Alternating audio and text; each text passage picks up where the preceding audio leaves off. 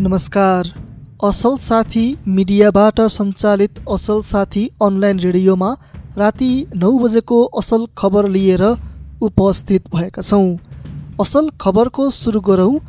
बुद्धिजीवी र सञ्चार माध्यमप्रति प्रधानमन्त्रीको चर्को विरोध एकता बाँड्न खोजेको आरोपको प्रसङ्गबाट।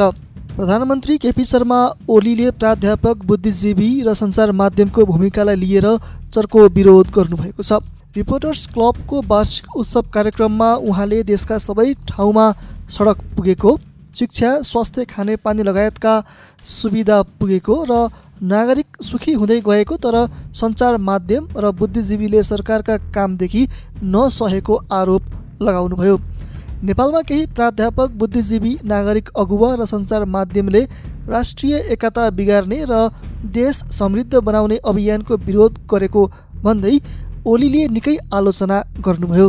अहिले एक थरीले देश सङ्कटमा परेको बताइरहेको तर देशलाई आफूले सङ्कटमा पर्न नदिएको भन्दै ओलीले प्रचण्ड र माधव कुमार नेपाललाई बाहेक अरू कसैलाई पनि सङ्कट नपरेको बताउनुभयो। प्रचण्डसँग आधा आधा कार्यकाल प्रधानमन्त्री चलाउने सहमति भए पनि प्रचण्डले कार्यकारी अध्यक्ष मागेको र आधा समय प्रधानमन्त्री नबन्ने बताएपछि आफूले नछाडेको ओलीको दावी छ।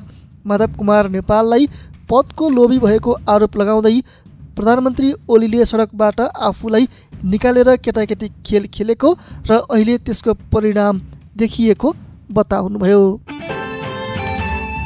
यस्तै प्रधानमन्त्री केपी शर्मा ओलीले सामाजिक सुरक्षा भत्ता बढाउने घोषणा गर्नुभएको छ। रिपोर्टर्स क्लबकै वार्षिक उत्सव समारोहमा प्रधानमन्त्री ओलीले आउँदो साउन एक गतेदेखि नै लागू हुने गरी सामाजिक सुरक्षा भत्ता बढ्ने बताउनुभयो। सरकारले नागरिकको लागि काम गरेकोमा केही व्यक्तिले आपत्ति जनाइरहेका छन्। साउन एक गतेदेखि लागू हुने गरी सामाजिक सुरक्षा भत्ता बढाइनेछ।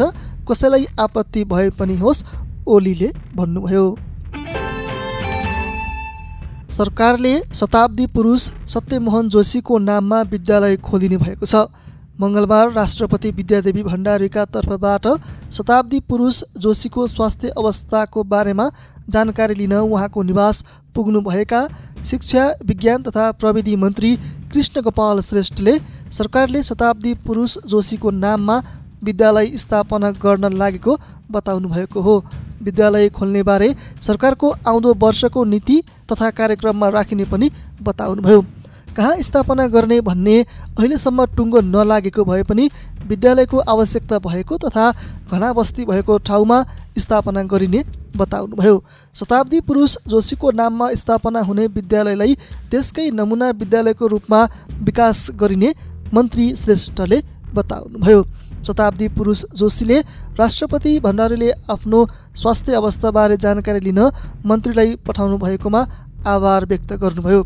सरकारले आफ्नो नाममा विद्यालय खोल्न लागेकोमा हर्ष लागेको पनि उहाँले बताउनुभयो। सरकार र थारू कल्याणकारी सभाबीच पहिलो वार्ता सम्पन्न भएको छ। सिंहदरबारमा भएको वार्ता सौहार्दपूर्ण र सकारात्मक रहेको प्रधानमन्त्रीका परराष्ट्र सल्लाहकार तथा वार्ता टोलीका सदस्य राजन भट्टराईले जानकारी दिनुभएको छ।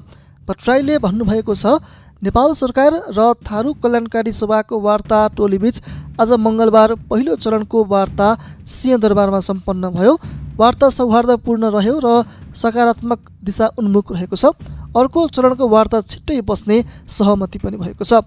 जेलमा रहेका रेशम चौधरीको रिहाईसहित उन्नाइस बुधे माग राखेको थारू कल्याणकारी सभासँग वार्ता गर्न सरकारले हिजो सोमबार गृहमन्त्री रामबहादुर थापाको संयोजकत्वमा तिन सदस्यीय सरकारी वार्ता टोली गठन गरेको थियो। नेकपा माओवादी केन्द्रका अध्यक्ष पुष्पकमल दाहाल प्रचण्डले रिट निवेदकले निवेदन दिएको भन्दा बाहिर गएर गरिएको फैसला केही दिनभित्रै पुनरावलोकन हुने बताउनु भएको छ।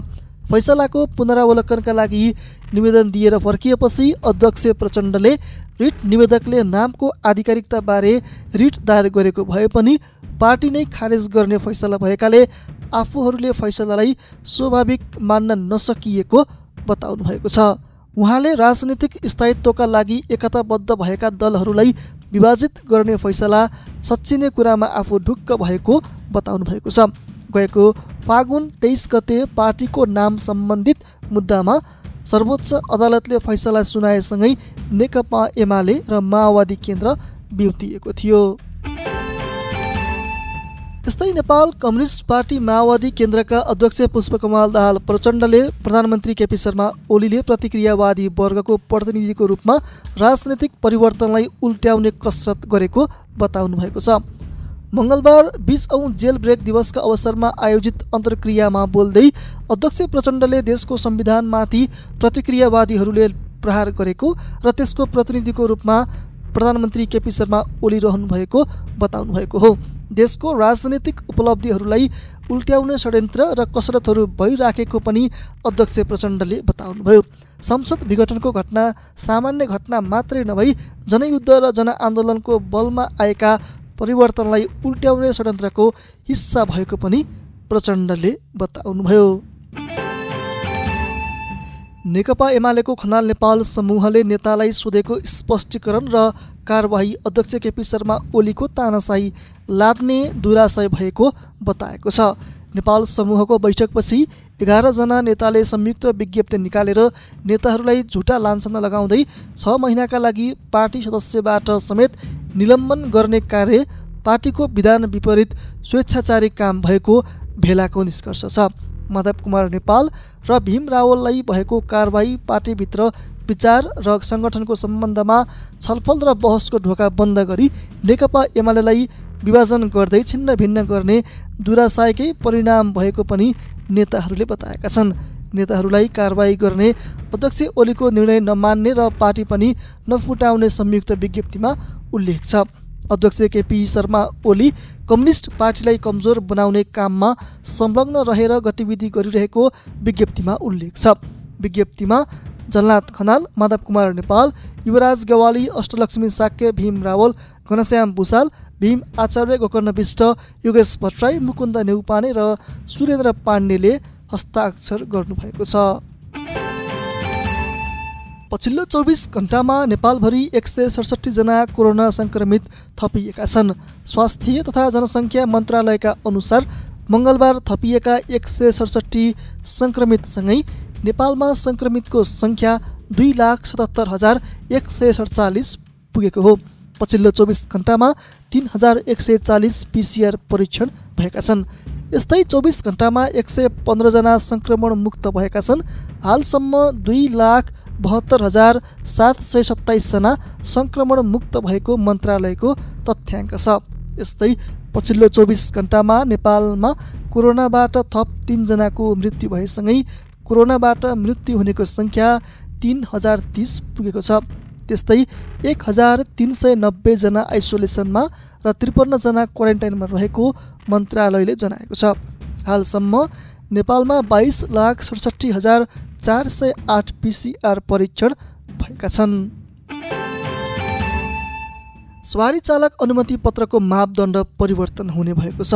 मापदण्ड परिवर्तन गर्न भौतिक पूर्वाधार तथा यातायात मन्त्रालयबाट सैद्धान्तिक सहमति प्राप्त भएको यातायात व्यवस्था विभागका महानिर्देशक नमराज घिमिरेले जानकारी दिनुभयो। विभागले पुसमा कार्यविधि संशोधन गर्न मन्त्रालयलाई प्रस्ताव पेश गरेको थियो। हामीलाई मन्त्रालयबाट सैद्धान्तिक सहमति प्राप्त भएको छ। अब कार्यविधि संशोधन गर्छौँ उहाँले भन्नुभयो। उहाँका अनुसार कार्यविधि संशोधनको ड्राफ्ट तयार भई स्वीकृतको प्रक्रियामा छ। कार्यविधि संशोधन भएपछि सानो गल्तीले ट्रायल फेल नहुने विभागका महानिर्देशक घिमिरेले बताउनुभयो। उहाँका अनुसार सुरुमा सबैलाई एक सय अङ्क नै दिइन्छ त्यसपछि गल्ती गर्दा नम्बर काटिँदै जान्छ। साठी प्रतिशतभन्दा कम अङ्क ल्याउने ट्रायल फेल हुन्छ भने सोसम्मको अङ्क ल्याउने ट्रायल पास हुन्छ। राम्रोसँग सवारी साधन चलाउन जान्नेहरू पनि सामान्य गल्तीमा फेल हुँदा बिचौलिया कहाँ जाने समस्या देखिएकाले यस प्रकारको मापदण्ड ल्याउन लागि उहाँले बताउनुभयो। पाँच सय वा एक हजार प्रश्नका सेट हामी सुरुमै सार्वजनिक गर्नेछौँ। प्रश्न त्यही भित्रबाट मात्रै सोधिनेछन् तर यो तत्काल लागू हुँदैन।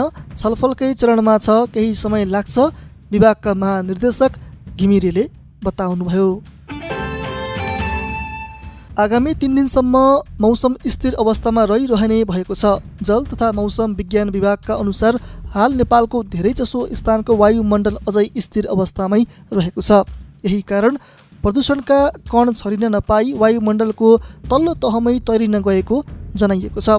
देशको अधिकांश जिल्लाका धेरै ठाउँमा लागिरहेको डढेलोबाट सिर्जित धुवाका कण वायुमण्डलमै सञ्चित हुन गई। असामान्य प्रकारको तुवालोको अवस्था आएको विभागले जनाएको छ। खास गरी राजधानी काठमाडौँ लगायतका सहरहरू जहाँ पहिलेदेखि नै प्रदूषणको स्तर सामान्यभन्दा अधिक भएको छ। त्यस्ता ठाउँमा तुवालो अत्याधिक भएकाले वायुमण्डलको पारदर्शिता उल्लेखनीय रूपले न्यून हुन गई जनजीवन असामान्य हुन गएको बताइएको छ। असल खबरमा अब खेल समाचार। अखिल नेपाल फुटबल सङ्घ एन्फाले त्रिदेशीय फुटबल प्रतियोगिताको उपाधि जितेको नेपाली राष्ट्रिय टिमका खेलाडीलाई जनही एक लाख रुपैयाँ दिने बताएको छ। मङ्गलबार एक विज्ञप्ति निकालेर एन्फाले त्रिदेशीय प्रतियोगितामा विजय हासिल गर्न सफल राष्ट्रिय टिमका खेलाडीलाई जनही एक लाख रुपैयाँ पुरस्कार स्वरूप वितरण गरिने जनाएको हो। सोमबार त्रिपुरेश्वरको दशरथ रङ्गशालामा भएको फाइनल खेलमा नेपालले बङ्गलादेशलाई दुई एकले हराउँदै उपाधि जितेको हो। उपाधि जितेको नेपालले पुरस्कार स्वरूप पाँच हजार अमेरिकी डलर पनि प्राप्त गरेको छ। राति नौ बजेदेखि प्रसारण भइरहेको असल खबरको हामी अन्तिममा आएका छौँ। असल साथी मिडियाबाट सञ्चालित असल साथी अनलाइन रेडियो सुन्दै गर्नुहोस्। नमस्कार।